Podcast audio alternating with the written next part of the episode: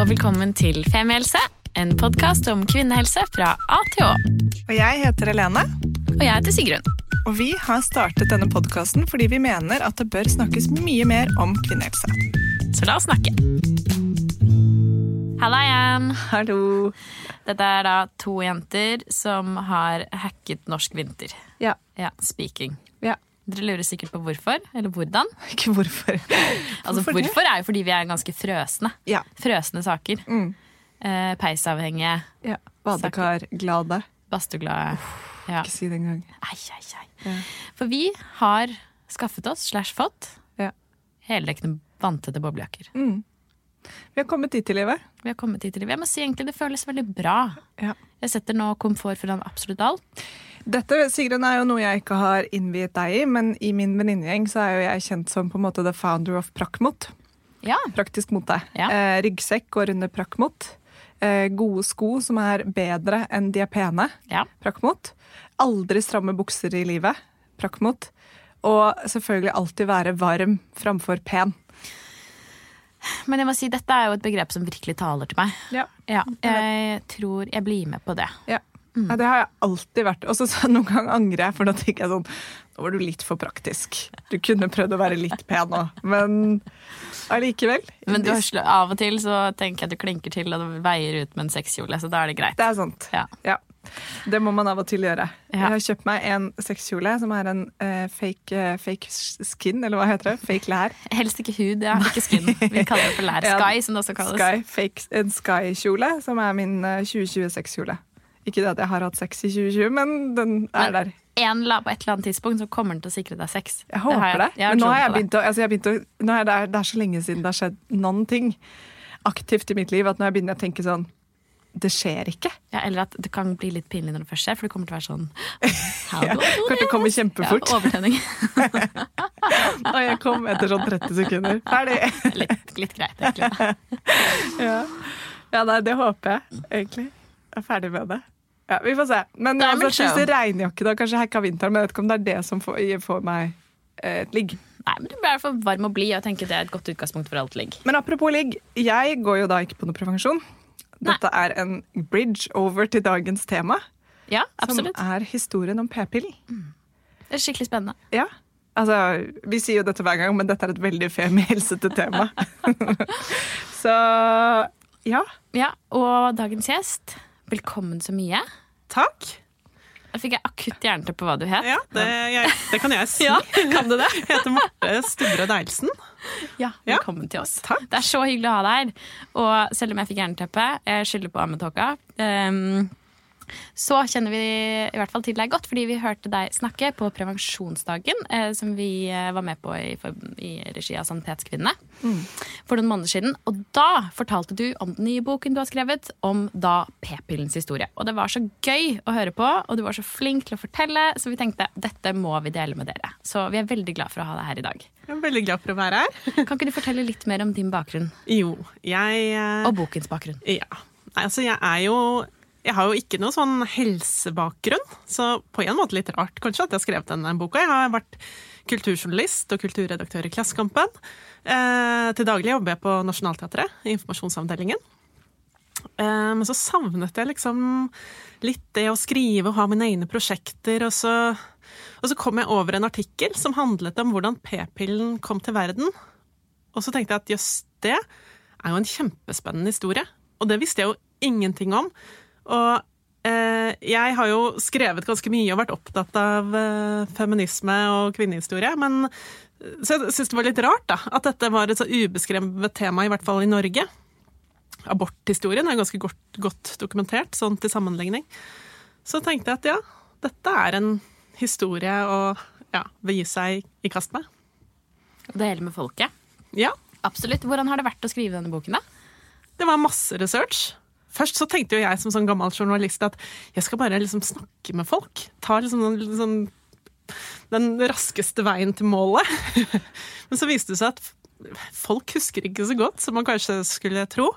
Eh, pluss at på en måte eh, Det handler om det dette med at p-pillen er så eh, Den kom og så ble den tatt som en selvfølge. Den liksom ble lagt i, i uh, toalettmapper og satt på baderomshylla. Akkurat sånn som den var ment. Altså, hun som, som var den store ideologen bak p-pillen, hun ville jo nettopp at det skulle være et usynlig hjelpemiddel som bare skulle eh, gjøre kvinners liv mye lettere å leve. Eh, så sånn sett, Pluss at det var ikke noen sånn politisk kamp om p-pillen som, som, det har vært om, om abort. Så deilig. Eh, det var en, eh, men det var en ganske kronglete vei allikevel. Eh, men det, det, handlet om medisin, og medisin har liksom ikke like stort gjennombrudd i, i offentligheten som det politikk og politiske kamper har. Ja, Så historien om p-pillens liksom kronglete vei handler jo veldig mye om bivirkninger. Ja. Skal vi ta det fra starten av? Ja, la oss gjøre det. For, kan du ikke da begynne med å fortelle oss litt sånn, hvordan begynte det, hvordan kom den til verden? Ja, altså jeg tenker jo at hvis man skal forstå liksom p-pillens betydning så altså, Et sted å starte kunne jo vært med på en måte, hormonforskningen på midten av 1900-tallet. Et opplagt sted å starte er kanskje med Margaret Sancher, som var eh, sykepleier og kvinnesakskvinne eh, i USA eh, på 1900-tallet. Men, men, for å virkelig forstå hva p-pillen hadde betydd, så, så, tror jeg vi må starte litt tidligere. Eh, for det er jo sånn at like lenge som måte, menn og kvinner har forbundet eh, sex med reproduksjon, så har vi også forsøkt å kontrollere forplantningen. Da med mer eller mindre hell. Eh, og prevensjonshistorien er jo på en måte den er kuriøs, og den er tragikomisk, og det vitner om hvor, med, hvor, stor desperasjon mennesker har ja, forsøkt å, å, drive fødselskontroll, da. Kan du gi noen eksempler på det? Ja, det kan jeg jo. Um, Pessar lagd av liksom pasjonsfrukt. Eh, kondomer av dyretarmer. Eh, ulike typer liksom drikke ikke. Sånn veldig sunt og ikke så veldig effektivt heller, tror jeg. Um, også sånne fryktede livmorsprøyter som man stakk opp og inn i livmoren. Og ble det da en, en infeksjon, så var jo det umulig å kurere før antibiotikaens tid. Så da Ja, da var det takk og farvel. Ja, det er livsfarlig. Uh, så det vitner om på en måte hvor, hvor desperat man var. Så, da skjønte man at fordi det, Når vi snakker om pessarer og kondomer, og sånn, så skjønte man at det var en sammenheng mellom spermen som kom ut, og at det var den som på en måte gjorde deg gravid. Man mm. hadde liksom skjønt såpass da. Ja. Og så var det jo noen sånne teorier om at hvis kvinnen ikke kunne Hvis kvinnen, hvis kvinnen ikke kom, altså ikke fikk orgasme, så var det mindre sjanse for å bli gravid, f.eks. Som gjorde at liksom, da var det jo et mål at hun da ikke skulle oppnå klimaks, fordi da gikk graviditetssjansen ned. Som jo er verdens kjipeste prevensjonsmetode. Ja, Det, det vitner om på, en måte, hvor på gyngende grunn man var. da, Og man klarte ikke å skape noe effektiv prevensjon før um, man skjønte hvordan hormonene virket, og kjønnsorganene virker, og forplantningen virker. Så det krevde ganske store krav til vitenskapen. Men, men, men likevel, så før det, så, så, hadde man disse naturlige metodene som folk måtte bare hadde erfart at virket. Altså amming eh, virker jo ikke som en 100 sikker, men som en ganske, ganske sikker prevensjonsmetode. Eh, man har jo liksom avhoppmetoden, avbrutt samleie. Uh, man skjønte jo at hvis man venta med å gifte seg, så ble det færre barn. Uh, og så er det jo også dette med uh, å, å, ikke ha sex når man ikke kan bli gravid, altså rundt egg, eggløsning. Droppe sex, da. Fordi skjønte, altså, Hvor tidlig tror du man Eller kanskje du ikke har skrevet om boken, men liksom den derre at ok, hvis jeg har mensen da, og så er det liksom to uker at, at liksom man hadde den forståelsen av når man var fruktbar? Ja, altså på, på 20- og 30-tallet så, ja. så, skjønte man det. Ja. Eh, og det har vært utrolig mange feil Altså at man tenkte at man var minst fruktbar midt mellom to menstruasjoner, men det er jo helt feil. Altså, det, vært, det, må ha vært eh, blitt utrolig mange barn da, ut mm. av mye misoppfattelser. Altså, tenk bare at det er bare 100 år siden. Ja. Ja, for jeg, tenkt, jeg, ser jo på meg selv som litt som halvt heks, på en måte. Ja. Og så er, eh, nå er jeg da jeg, ble, jeg, pleier å synke med månen. Sånn at jeg har eh, menstruasjon rundt fullmåne. Og da har jeg tenkt sånn, hvis det hadde vært et poeng med det, Og dette er jo bare tilfeldigheter, sikkert. da. Nei det er ikke jo da. Men hvis det hadde vært et poeng med det, så kunne man jo faktisk visst sånn der Å ja, halvmåne, da må man ikke ligge. Hvis det var sånn at liksom på steppene, savannene, så visste man sånn at det var en greie, på en måte. Det hadde vært en veldig kul form for prevensjon. Kanskje, jeg vet ikke, måneprevensjon, liksom. Men den jeg er ikke helt sikker, men jeg ville bare kaste den ut der som et alternativ. ja. Nei, da, men Mye prevensjon har på en måte bidratt til å begrense ungeflokken, om ikke å drive familieplanlegging mm. og styre det nøyaktig sånn som vi gjør i dag. Og det var viktig nok, det, altså, for ja, ikke sant? Målet var ikke å ikke få barn i det hele tatt, det var bare ikke å få 15, men prøve liksom bare å få 5. Mm. Ja. Men så på 1800-tallet så utviklet man på en måte gummiindustrien, sånn at man fikk effektiv eh, kondom og pessar. Og da begynte man liksom å snakke om på en måte effektive prevensjonsmidler. Eh, så sånn sett så var det ikke det at når p-pillen kom, det var ikke det at man ikke hadde noen alternativer. Men det som var både med kondom og pessar, var at de var ganske kronglete å bruke. Uh, og de, uh, Kondom er jo ikke kvinnestyrt, og det var ofte kvinnen som hadde et behov for å måte, styre sin egen reproduksjon. Uh, pluss at de var ganske sånn utskjelte. kondom ble liksom delt ut til soldater etter første og andre verdenskrig, eller under, da, for å unngå at de først og fremst skulle ja, unngå kjønnssykdommer. sånn at det ble på en måte mm, Det hadde noen sånne assosiasjoner eh, ja, til utenomekteskapelig sex. Og, og det å, å, komme i en butikk Det er ikke sånn som i dag at du kunne bare legge en kondom i kurven. Eh, du måtte liksom spørre kjøpmannen bak disken i det liksom lille lokalmiljøet du kanskje bodde i. Var ikke så veldig aktuelt for veldig mange kvinner. Så dette så jo Margaret Sancher, da, eh, denne sykepleieren. Hvor var hun fra i verden? Hun var fra USA, jobbet bl.a. i slummen i New York.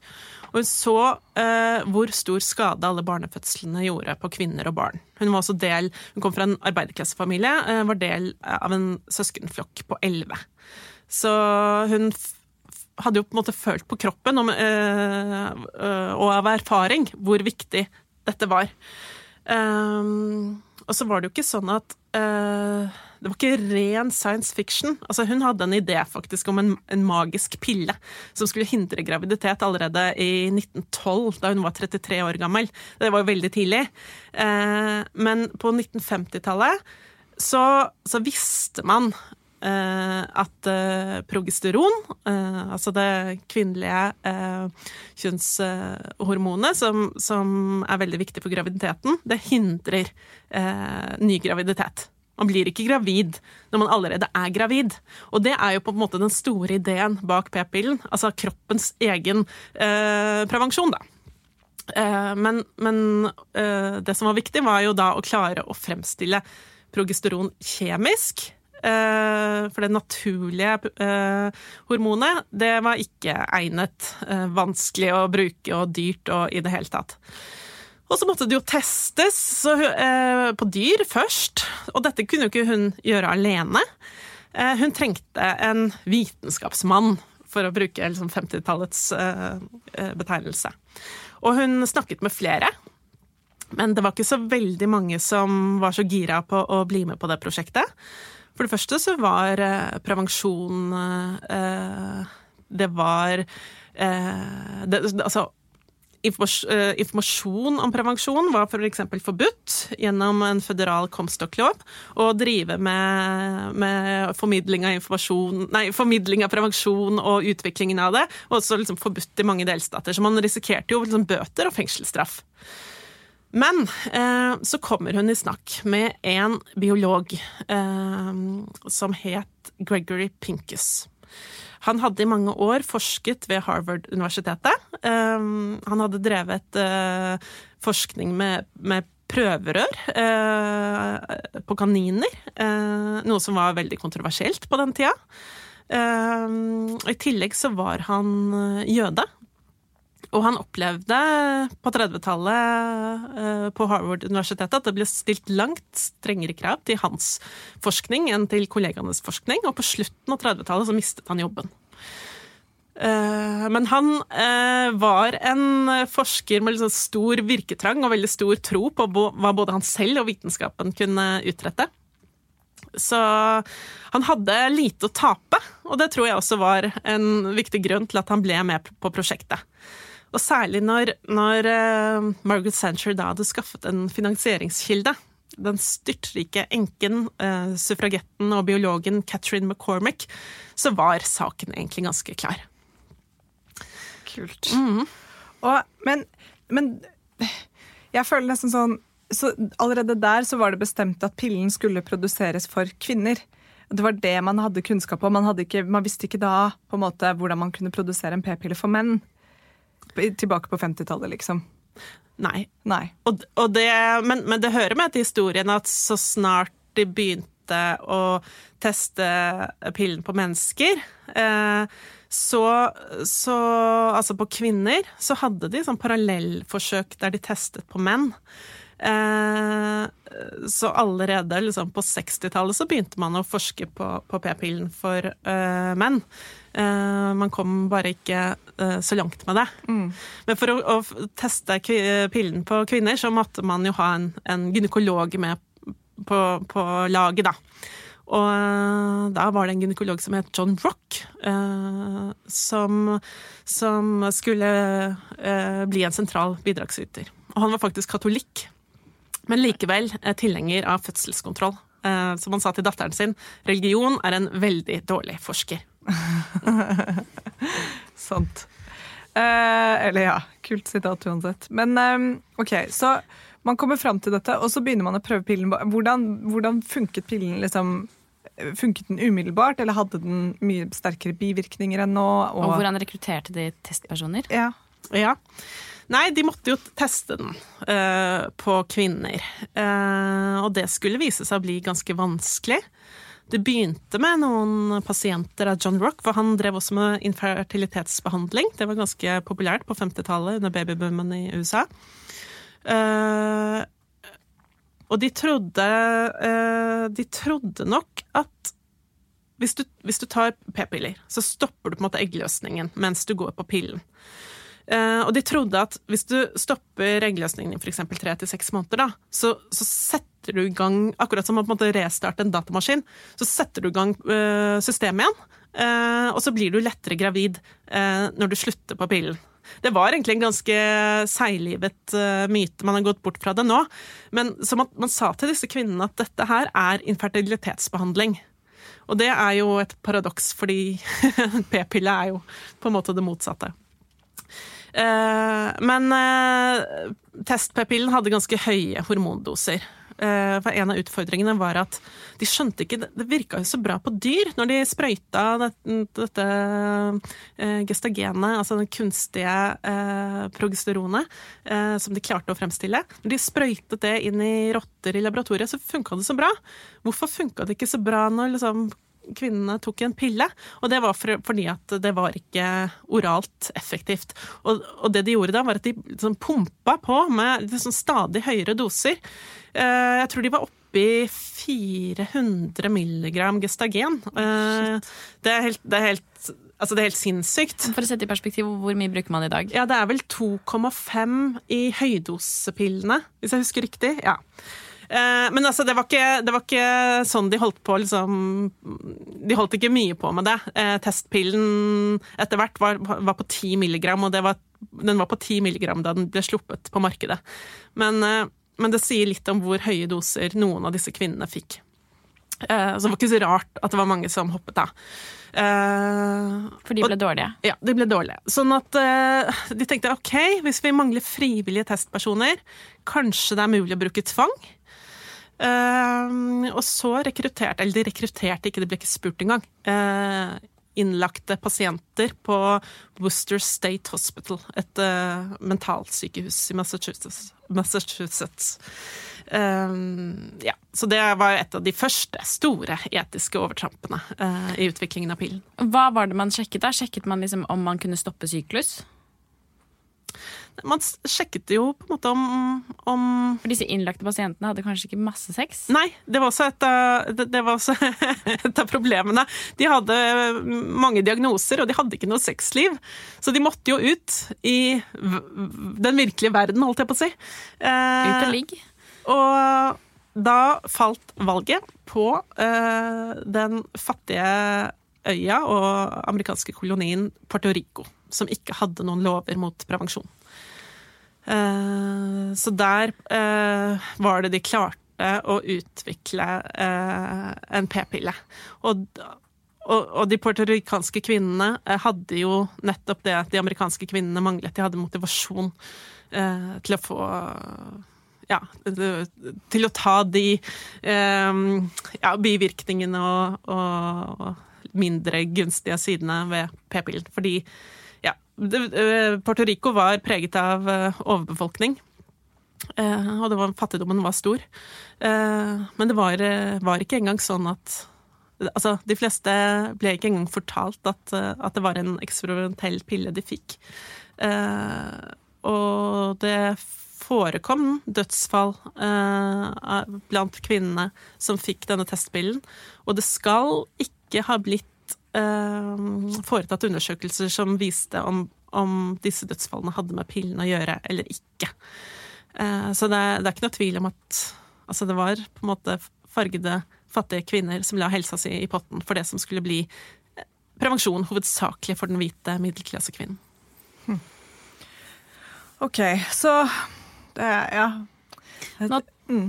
nå, nå, er den jo blitt testet, da, mm. i, i flere forskjellige. Så har man kanskje kommet fram til en pille som fungerer ganske greit. Stemmer det? Ja, altså P-pillen er på ingen måte perfekt. Nei. Den har en del bivirkninger. Eh, og så er det jo også dette med P-pillen at man må huske å ta den hver dag. Eh, så man kan gjøre en del brukerfeil, og hvis man gjør brukerfeil, så er den jo ikke like sikker. Så, men, men, den er jo også på en måte alle sikre eh, prevensjonsmidlers mor. Altså, det er jo den samme teknologien vi har i annen hormonprevensjon i dag. Eh, så det var jo på en måte der det, det hele startet. Så etter at den da hadde blitt testet og blitt så god som mulig, så ble den da eh, Da skulle den selges? Da skulle den selges. Var det vanskelig? Altså, den ble godkjent først eh, ble den godkjent i 1957 eh, i USA. I USA? Ja. Eh, men, men de, de, altså legemiddelfirmaet som samarbeidet med disse p-pilleforskerne, eh, het Searle. Og de var så redd for den kontroversen en p-pille ville skape, at de ikke turte å få den godkjent som prevensjon eh, med det første. Det var ikke før i 1965 at prevensjon ble lovlig i alle amerikanske delstater, så det sier jo litt om, om hvordan det var. Så at, uh, først så ble den godkjent som uh, en prevensjonsregulerende uh, pille, og også en pille som da kunne hjelpe, hjelpe mot infertilitet. En prevensjonsregulerende eller menstruasjon? Sa jeg prevensjon? Ja. Jeg ja. mente menstruasjonsregulerende ja, ja, pille. Ja, vi er godt inne på prevensjon der. Menstruasjonsregulerende pille, ja. Mm. Eh, og, og, aldri før er det vel så mange kvinner som har gått til legen pga. Liksom menstruasjonsbesvær av ja. ulik art. For, for da visste hva de det hva det var. Ja, for ja. på glasset så sto det Det kom på glass i begynnelsen, da. Ja. Stopper eggløsning, sto det. Ja. Så det var, den egentlige virkningen ble på en måte lansert som en bivirkning. Eh, men det var jo den beste markedsføringseffekten man kunne tenke seg. Ikke sant. Mm. Men så i 1960 så ble den godkjent i USA eh, som prevensjon. Eh, og da ble den veldig populær blant gifte amerikanske kvinner, for den var eh, bare tillatt for gifte kvinner eh, i, i, utgangspunktet. Eh, ugifte kvinner skulle jo ikke ha sex, så de trengte jo heller ikke noe prevensjon. var på en måte tanken. Vi er så rare, vi mennesker. vi har gjort så mye rare greier. Veldig mange regler, i hvert fall. Ja, ja ok. Det er i hvert fall ikke der akkurat nå. Det er bra.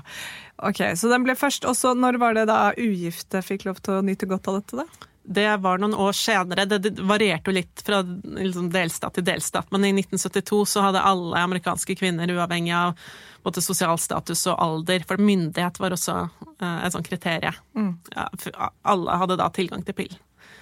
Så, og i vestlige land så, så, ble den tatt godt imot. Man kunne jo kanskje tenke seg at, eh, at det skulle bli noen sånn moralsk, moraldebatt, eller at den skulle møte motstand. Eh, men den fikk nok litt drahjelp, blant annet av eh, befolkningsveksten. Mellom 1900 og 1960 så doblet verdens befolkning seg. Særlig høy var eh, veksten i utviklingsland. Eh, og dette var man veldig bekymra for. Eh, så man så jo at p-pillen kunne bli effektiv mot et liksom, stort samfunnsproblem. Pluss at man så jo at den kunne motvirke abort, som jo var et stort onde blant mange. Eh, og eh, kvinnebevegelsen hadde jo eh, virkelig vind i seilene og banet nok veien for aksepten for, for p-pillen. Så, så den ble tatt godt imot i vestlige land. Mm. Men, men, men, man trodde jo f.eks. at land som Kina og India, som virkelig slet med overbefolkning, at, at p-pillen skulle få et stort marked der. Men eh, man oppfattet ikke p-pillen som noe sånn nøytralt produkt. Dette var på en måte USA-imperialismen som kom og skulle regulere eh, fattige kvinners eh, reproduksjon.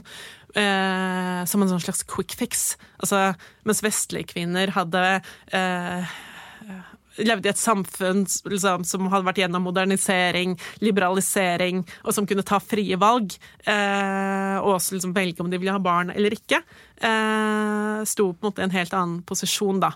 Så man, man, man fryktet at p-pillen ville bli et effektivt verktøy i arven etter øh, øh, arve... Altså øh, arvehygienen. ideen om at det var de hvite og mm. velbemidlede som skulle få mange barn. Ja, og Margaret Sancher tok jo selv i bruk sånne argumenter eh, for å få aksept for p-pillen. Som hvordan da? At, at uh, dette kunne være en effektiv uh, hjelp uh, mot at fattige og uegnede mødre skulle få mange barn. Og hva som ligger i uegnet, det, det var så mangt, for å si det sånn. Eh, tanken var jo at, at eh, sånn, altså godt gifte, gjerne fra overklassen, de kunne få mange barn og, og spre på en måte de gode genene videre. Eh, før andre verdenskrig så hadde eh, rasegenen ganske stor utbredelse. Eh, men, men, det Ja, man så jo hvor det, den, den typen tanke førte hen, da. Apropos gener, så tror jeg Sigrun må ut og ta tak i sitt ja, arve-DNA. Så kanskje jeg tar med DNA inn igjen. Ut i, griner ut i studio. Yes. Um, ja, OK. Så det er jo helt eh, det er jo, ikke, altså det er jo så mange uh, twists and turns i historien til denne pillen. Men så lander vi her, da. Så nå er den, den er lansert. og Hvilket år var det den kom til Norge? Den kom til Norge først i 1967 som prevensjon. Som i USA så hadde den vært godkjent noen år eh, mot andre typer lidelser. Eh, men ble først godkjent som prevensjon da i 67, mye seinere enn i andre europeiske land. Hva var grunnen til det? det eh, grunnen til det er, er, på en måte et tilsynelatende paradoks. Fordi at eh, det var eh, Carl Evang som var helsedirektør i Norge på den tida. Eh, og han var jo kjent som en radikal lege og, og, og seksualradikaler. Eh, som hadde jobbet i en mannsalder for eh, en friere seksualitet. Og p-pillen kunne jo på en måte bli det, det virkemidlet som, som, kunne sette hele hans eh, eh, visjon ut i praksis. Men han nølte. Og grunnen til det var, var flere. For det første så hadde eh, verden i mellomtida, altså liksom siden 1960, vært vitne til en katastrofe. Og den handlet om sovemiddelet talidomid, eh, som eh, var på en måte så fritt for bivirkninger, trodde man, at man kunne gi det til gravide, som, eh, fordi det også gjaldt mot, kvalme, da. Men det var før man så talidomids grusomme bivirkninger. Mange gravide spontanaborterte, og mange Eh, barn ble født med grusomme misdannelser. Eh, så man skjønte jo da at den legemiddeloptimismen som rådet eh, på denne tida Man hadde jo på en måte sett hva måte legemidler kunne bidra med. Kortison, insulin, antibiotika. ikke sant? Man trodde liksom at legemidler det var på en måte ja, menneskehetens store redning. Men nå så man at oi, dette dette. Eh, dette må vi gjøre noe med. Vi har behov for en kraftig forbedret legemiddelkontroll. Mm.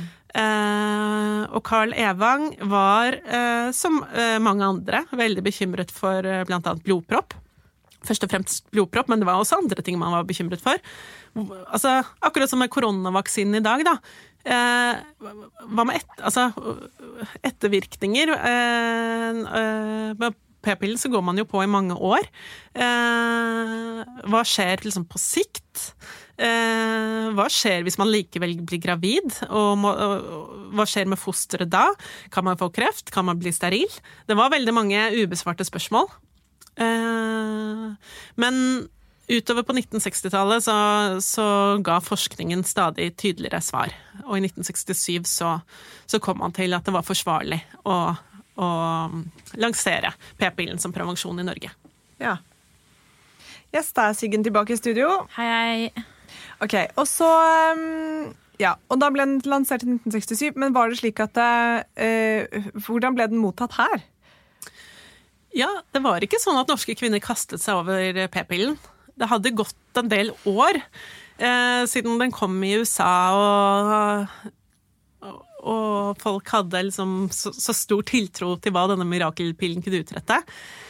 Eh, debatten om bivirkninger hadde gått, og dessuten så var eh, Hadde det vært en stor, og pågikk også, en stor rettssak som gikk helt til Høyesterett, som gikk over mange år, da om eh, bivirkninger av p-pillen. Altså den første store europeiske erstatningssaken, eh, den gikk i Norge. Olav Hestnes var, eh, var forsvar for, eh, forsvarer for eh, en ungarsk flyktning som het Josef Hodec, som hadde mistet kona si etter at hun brukte p-pillen av Novlar den første norske p-pillen. Fordi hun fikk blodpropp? Hun fikk, eh, ja, trodde, altså hun fikk hjerteinfarkt som de trodde skyldtes p-pillen. Uh, hun hadde også to barn som, som sto igjen etter henne. Og, og denne rettssaken den fikk massiv mediedekning. Uh, dels fordi at det var på en måte et, stort sosialt tema i, tiden. men også fordi at det var den første europeiske erstatningssaken, så utfallet kunne potensielt få stor betydning da, for for legemiddelfirmaers ansvar for, for uh, medisinen sin. Hvordan endte rettssaken? Det endte med, med tap for Hodic. De fant ikke at anovlar var på en måte årsak til, til uh, dette hjerteinfarktet.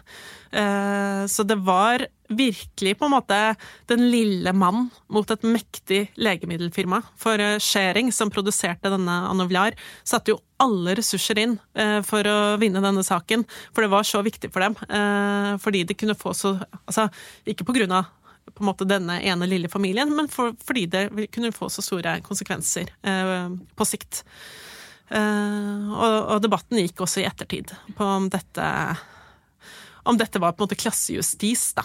Eh, at man stilte på en måte eh, At man kan på en måte ikke sidestille et stort eh, legemiddelfirma med alle ressurser de har, mot liksom en, en, en ungarsk innvandrer som ikke engang kunne snakke norsk. Uh, ja. Men var det noen som virkelig liksom talte p-pillens positive sak i Norge? Ja, det var jo det var... Eller er noen stemmer som utmerket seg spesielt på det? Altså, det var, altså, jeg har jo gått gjennom en del medie... eh, om p-pillen i Norge. Det har vært måte min fremste kilde til måte den norske debatten. Eh, og det, det, er vel ikke noen sånne kjente navn, men det er litt sånn som i dag at, at eh, det er en del leger som på det, både på den tiden og i dag ber oss om på en måte og må jo på en måte roe litt ned denne frykten for bivirkninger. At den er, kanskje er litt overdreven, og at man må også se hva på en måte p-pillen faktisk bidrar til. Um, ja, og at det, det, var jo grunnen til at den ble godkjent i utgangspunktet. At på en måte virkningen trumfet bivirkningene. Uh, det er viktig for kvinner med uh, sikker prevensjon. Og menn. Ja, og Det er jo det som er så veldig interessant med p-pillen, for nå nærmer vi oss liksom litt dagtid eh, i, i diskusjonen her, kanskje, eller historien. Men, men det er jo etter, liksom, Når vi hører hele historien til p-pillen, og det handler ikke nødvendigvis om å liksom ikke få et eneste barn, men det handler om å begrense hvor mange barn du får, det handler om kvinnefrigjøring, ja, ikke sant, å kunne velge selv, så tenker jeg jo sånn, hvis jeg skulle satt meg i situasjonen nå om at eh, For nå går jeg ikke noe på noe prevensjon. ikke sant? Hvis jeg skulle satt meg i situasjonen på at det fantes ikke prevensjon i verden, og det har det aldri funnes i min levetid, men så får jeg en pille som jeg kan ta hver dag, og som gjør at jeg ikke kan bli gravid uten å slutte å ta den, men bivirkningene kan være f.eks. nedsatt sexlyst, eh, hodepiner, akne, jeg kan gå opp i vekt, jeg kan gå ned i vekt, jeg kan bli litt deppa og sånne ting, så ville jeg tenkt sånn Ja, men vet du hva, det er det verdt for å ikke For å kunne faktisk ha noe form for sex, eller leve i det ekteskapet jeg er uten å liksom måtte føde syv barn de neste tre årene. på en måte. Så det er jo noe med det der perspektivet. fordi den prevensjonsdagen hvor vi var med, eh, med, med Sanitetskvinnene, så handlet, snakket vi mye om på en måte p-pillens eh, sånn situasjonen er i dag. da, Av hvordan på en måte historien kanskje er litt glemt fra hvor den kommer, men at man, det er mange som nå stiller spørsmålstegn ved bivirkninger, og at det er en, litt sånn, en ny bølge på liksom, en usikkerhet rundt det, da, og mange som lurer på dette med hormonprevensjon. Mange som snakker høyt om det. Ja, og Det er jo veldig interessant, fordi vi har ikke det perspektivet i dag som vi hadde da. Og, nå, og jeg mener jo 100% at man eh, altså, de bivirkningene som på en måte blir sett på som lette bivirkninger, kan for noen være skikkelig heftige bivirkninger. og Spesielt hvis du begynner å snakke om blodpropp og sånn, men det er heldigvis ganske sjelden. da. Men, men, det å ha nedsatt sexlyst og føle seg deppa, er jo liksom, er nedsatt livskvalitet. da. Og så skjer det med noen, og, og, veldig mange har et helt fint liv på p-piller, men poenget mitt er bare sånn historisk sett så hadde p-pillen en helt annen eh, plass i livene våre da, enn den har kanskje nå. Ja, for nå er det jo ikke noe alternativ for oss å tenke at, at man ikke skulle kunne velge. At man Nei. ikke skal kunne ha fri sex, at man ikke skal kunne studere og jobbe og ja. Ja, ikke sant. Og vi kan Leve om, vårt frie kvinneliv. Ja, og man kan mer om kanskje liksom om hele syklusen sin og hvordan ting funker. Man kan kreve kondom, eller liksom være den som går og kjøper kondom på Rema 1000 foran hele kassa. Det er ikke så farlig. Sånne ting har liksom endret seg også liksom Og at vi har det så bra generelt sett at vi krever å ha det bra. Ja. Også på et lite sant? nivå. Ja. Mm. Men det er jo på en måte bra også. Altså, ja. vi, vi, må forske mer på, på bivirkninger av ja, all type hormonprevensjon. Eh, fordi at eh, det er jo de farlige og potensielt livstruende virkningene som har fått måte eh, forskningsmidlene. Og så har legemiddelindustrien har vært mindre opptatt av å forske på, på, det som kalles ufarlige bivirkninger, men som likevel på måte Altså, de er på ingen måte uviktige. Så, så det, der har vi en vei å gå. Ja, det var, det var, godt sagt. Det var det jeg prøvde å si i mitt lange, lange monolog. Ufarlige, men ikke uviktige. Ja. Og det vi pleier å liksom, Som hvert fall vi har oppdaget etter at vi startet Female, så er jo den viktigheten av å finne hvilket prevensjonsmiddel som funker for deg. Og at det er jo en litt sånn For noen kan det være en litt sånn lang og trøblete vei. ikke sant? Det er ikke bare bare å sette inn en hormonspiral og finne ut at den funker ikke, og så ta den ut igjen. Prøve så skal du vente et halvt år. Ja. Ja, det er sånn lang tid, og det er vanskelig å måle selv, og kanskje man går igjennom andre ting som kan på påvirke også, men, men, uansett, jeg vil bare legge til det at vi liksom Vi har jo hele den serien vår om prevensjonsmidler fordi eh, det er jo ofte når man får pillene, så er du kanskje 13-14-15-16 år. Og begynne rett på noe som man ikke vet. Og, kanskje, og det, det, er så viktig å ha den diskusjonen med legen sin. Har jeg migrene? Har jeg problemer med huden min? Er det liksom selvfølgelig det ikke, For jeg føler ofte at legen stiller sånn Er det hjerteproblemer i familien? Røyker du? Og så hvis det er nei på begge, så er det sånn Ja, da kan du ta den. Ja. Men nei, men, det er ikke sikkert man kan det. Men både stille spørsmål, men også si sånn Og så kan det være lurt å tenke litt over hvordan du har det mm. i månedene fremover. Mm. Bare en bevissthet. Trenger ikke å være liksom overdreven kritisk, men bare en bevissthet rundt hvordan man har det. Ja. Mm. Nei, hele denne prevensjonsdebatten er jo eh, veldig spennende, rett og slett. Ja. Jeg, gleder meg til liksom Man kan også teste pillene godt på menn, og at de uviktige bivirkningene er noe de kan deale med, og ikke oss. Absolutt. Ja. Mm. Det, var jo, eh, det var jo på en måte altså, Margaret Sanchers på en måte dronningtanke var jo at på en måte det er kvinnen som må, må styre eh, sin egen reproduksjon, for det er hun som blir gravid. Men i dag, så er det, når likestillingen har kommet så mye lenger, så er det nesten litt sånn en avleggstanke. Vi er litt sånn Men vi skal jo dele seksualitetens byrder og gleder, så hvorfor i all verden har, har det ikke kommet flere alternativer for, for menn? Det er jo også sånn at eh, helsepersonell er veldig opptatt av å, å, si, og det er også veldig viktig, at det er fritt prevensjonsvalg. Det er ikke noe sånn at det er ikke noen andre som kan si hva slags prevensjon du skal bruke. Det må du på en måte finne ut av, av selv. Og er man redd for bivirkninger av hormoner, så er det på en måte helt legitimt. legitimt og da må man prøve å finne noen alternativer, og så må man også prøve å utvikle flere. Og også da på en måte for menn. Men det har Menn kan velge mellom kondom eller sterilisering, som for så vidt ikke er et eh, prevensjonsmiddel som sådan, da, fordi at prevensjon per definisjon skal jo være reversibelt. Ja. Det, har du blitt litt sånn som vi har blitt mensendamene på fest, hvor folk skal fortelle oss eh, på en måte om eh, veldig mye fine ting om underlivet sitt? Men har du fått mange p-pillehistorier etter at du skrev boken? Ja. ja. det er ingen som er liksom, nøytrale til det temaet, og alle har noen historier. Ja. Så det, det, sånn er det. Sånn er det. Men det er nesten en egen podkast i seg selv som bare het liksom det samme som boken 'Pillene', men hvor alle bare kan fortelle sin historie om p-pillen. Den, den, er så mangfoldig, da. Ja. Nei, det er, ja, det er kjempespennende. Men ok, så, men har du sett noen Er det kommet noen endringer de siste liksom 10-20 årene? Er det noen nyere utviklinger liksom, i hvordan vi opp... Altså, vi snakker jo litt om at nå har det kommet en nesten sånn motstemme fra feministene som har glemt sine feministiske mødre og tanter som har gått i bresjen her, men er det noe annet som har skjedd? På, tenker ja, altså du på, på pillens historie, liksom? Ja, nei, altså, det forskes jo, eh, sånn by the way, på, på ny prevensjon for menn. Eh, det forskes jo, men man har jo ikke klart å det, det er jo ikke noe som har nådd markedet, eh, men man har liksom begynt å teste hormonprevensjon eh, for menn eh, på, på, mennesker. Altså det, det, har nådd den kliniske fasen. Problemet er bare at eh, ja, som, som for hormonprevensjon eh, hos kvinner. Altså det har bivirkninger. Eh, og så er det det med, med, prevensjon for menn at altså kvinner blir gravide.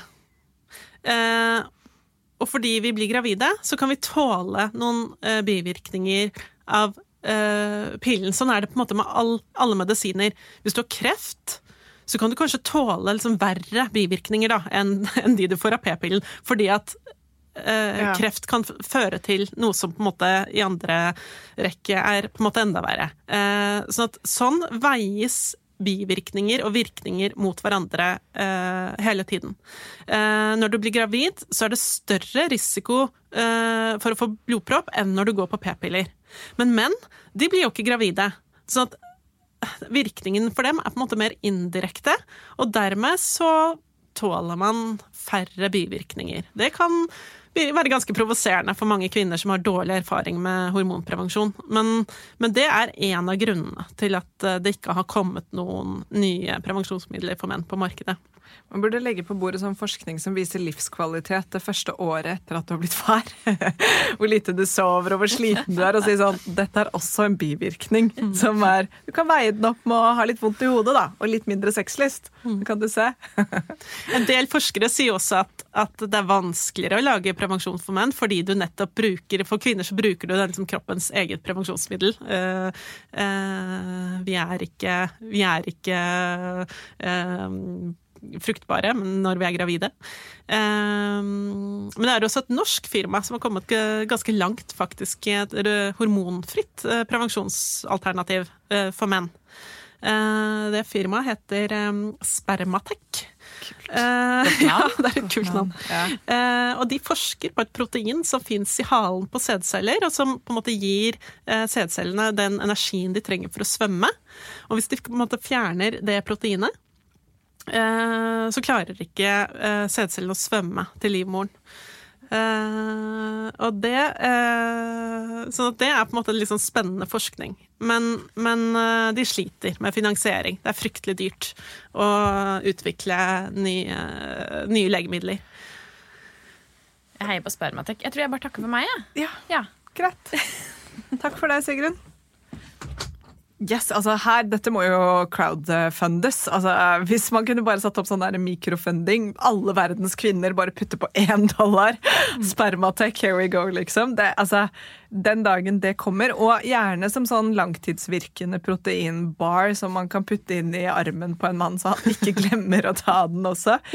Men så deilig det må være. Det er jo det som er ironien, syns jeg. Dette hvor er liksom hvor er likestillingen her at menn har så lite kontroll på dette? Fordi vi hadde jo diskusjonen også på prevensjonsdagen om hadde du turt på en måte da at partneren din var ansvarlig for prevensjonen og ikke du? Altså at ergo altså mannen var ansvarlig hvis, hvis du har mannlig partner, da. Um, og jeg svarte ja på det, for jeg tenker at, eh, at ja, det ville jeg bare stolt på. Men, men eh, for, jeg tenker jo, det, jo, det er jo ganske mange menn i verdenshistorien som har opplevd å bli si, ufrivillig pappa, og har så lite de skal ha sagt når kvinnen da først er gravid. Det er det i hvert fall mange som opplever. Så det å ha det, den makten eller den, den muligheten i sine hender til å kontrollere det selv, er jo det er rart at ikke det forskes hardere på, at ikke det er mer funding til dette, og at ikke det liksom som er at ikke det fins for lenge siden. Men det må jo jeg tenker bare sånn, nå tenker jeg bare høyt her, men det må jo kanskje ha noe med sånn altså, machokultur, at man skal liksom være fertil, da, og ikke sette liksom Hva skal jeg si, at gutta skal kunne svømme? Ja, altså det er gjort en del forskning eh, på det, mm. eh, om menn er villige til å eh, bruke f.eks. hormonprevensjon, da. Eh, og man har jo på en måte det er en del forskere som sier også at liksom, ja, men menn er redde for å miste potensen og mandigheten og sånn, men, men, men, den forskningen er også, er også, noen år gammel. Jeg tror nok at eh, det har skjedd en utvikling også eh, hos menn, og det er jo sånn at alle mennesker har rett til å eh, styre sin egen reproduksjon. Eh, og menn har eh, veldig få eh, alternativer. altså vi har fritt Eh, prevensjonsvalg, men hva, slags, hva, hva kan menn velge mellom? De, de, kan jo egentlig ikke velge mellom noe, de har egentlig bare kondom. Um, så, så, i et likestillingsperspektiv er det jo veldig viktig at, at, uh, at menn også kan velge. Og, og en av fordelene med, med p-pillen eh, eh, var jo på en måte at den, den, kunne tas på en måte i avstand. altså den, den, hadde ikke noe med selve seksualakten å gjøre. Sant? Kvinner kunne bare ta den uten partnerens på en måte visshet og samtykke. og det alternativet, med mindre man er sterilisert, da, har jo, har jo ikke menn. Så ja, det er et likestillingsspørsmål. Mm. Et veldig ja, kjempeinteressant spørsmål, og jeg syns at dette er noe eh, vi feminister burde ta tak i. Og funde opp spermtech, eller i hvert fall pushe på. For det, det, ja, er, jeg tror det hadde vært en, en gode i samfunnet hvis det, det, det ansvaret og byrden kunne blitt delt. Og i hvert fall hvis den også hadde kunnet komme noe som ikke hadde så sterke bivirkninger for noen av oss. Mm. Um, men ja, OK, så spennende. Uh, jeg lurer på om vi skal begynne å rappe litt opp igjen nå som uh, vi nærmer oss uh, 2020-tallet her. Men er det noe du vil legge til før vi avslutter? Altså, jeg tenker på det at for å finne liksom, hva, hva betydde p-pillen, mm. eh, så er det viktig å på en måte se også eh, hvilken tid eh, p-pillen eh, ble tilgjengelig på.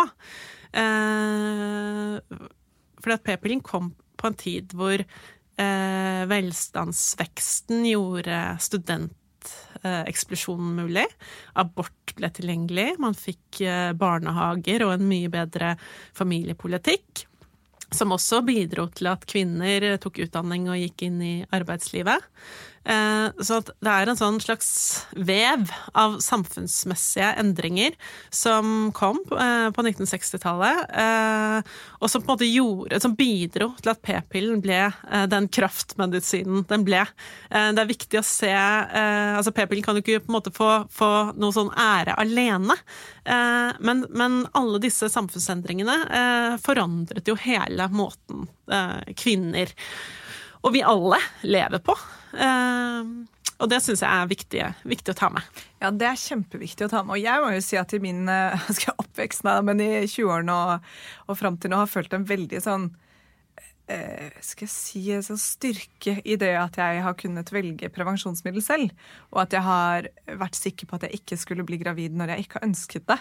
Så det er jo en gave, selv om gaven kommer med noen bivirkninger som kan være ganske kjipe for en del.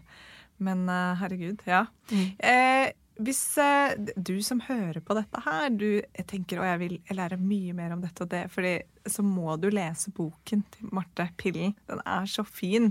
Skikkelig kul bok. Den uken vi slipper denne episoden her, så kommer vi også selvfølgelig til å lodde ut ei lita bok, som da hashtag annonse for boken. Så følg med på Instagram hvis du hører på den den uken episoden slippes. Hvis ikke så får du gå til bokhandelen selv og skaffe deg et eksemplar. Men den er kjempefin, så anbefales på det varmeste. Det kan også kjøpes på, direkte fra forlaget på manifest.no, for, for dem som ønsker det. Ja, Manifest er et fint forlag, så kjøp på. Men tusen takk, Marte, for at du kom. Så utrolig kult. Jeg gleder meg til eh, Pillen The Musical skal settes opp på Nationaltheatret. Å, det hadde vært fint. Det hadde vært noe. Ja. Jeg skriver jo at, at Pillens historie er litt sånn spennende som en Hollywood-film, men kanskje er det musikalen vi skal satse på. Herregud. Ja, gjerne. Ok. Du, eh, tusen takk for at dere hørte på. Takk til Eva som holdt eh, fart, høy fart ute i studio sammen med produsenten vår her. Og eh, ja, så høres vi neste uke. Ha det bra. Tusen takk for at du hørte på podkasten vår. Selv om det forhåpentligvis kommer tydelig frem, så vil vi understreke at vi ikke er helsepersonell. Ja, så Som vanlig, kontakt legen din om du har noen spørsmål, eller om du skal begynne på noen form for behandling. Og har du et tema som du har lyst til at vi skal snakke om, eller noe ris eller ros, så send oss gjerne en melding på Facebook eller på Instagram. Der finner du oss under Femihelse. Og du kan gjerne rate oss på iTunes, det er skikkelig hyggelig for oss. Ha en fin dag! Ha en kjempefin dag.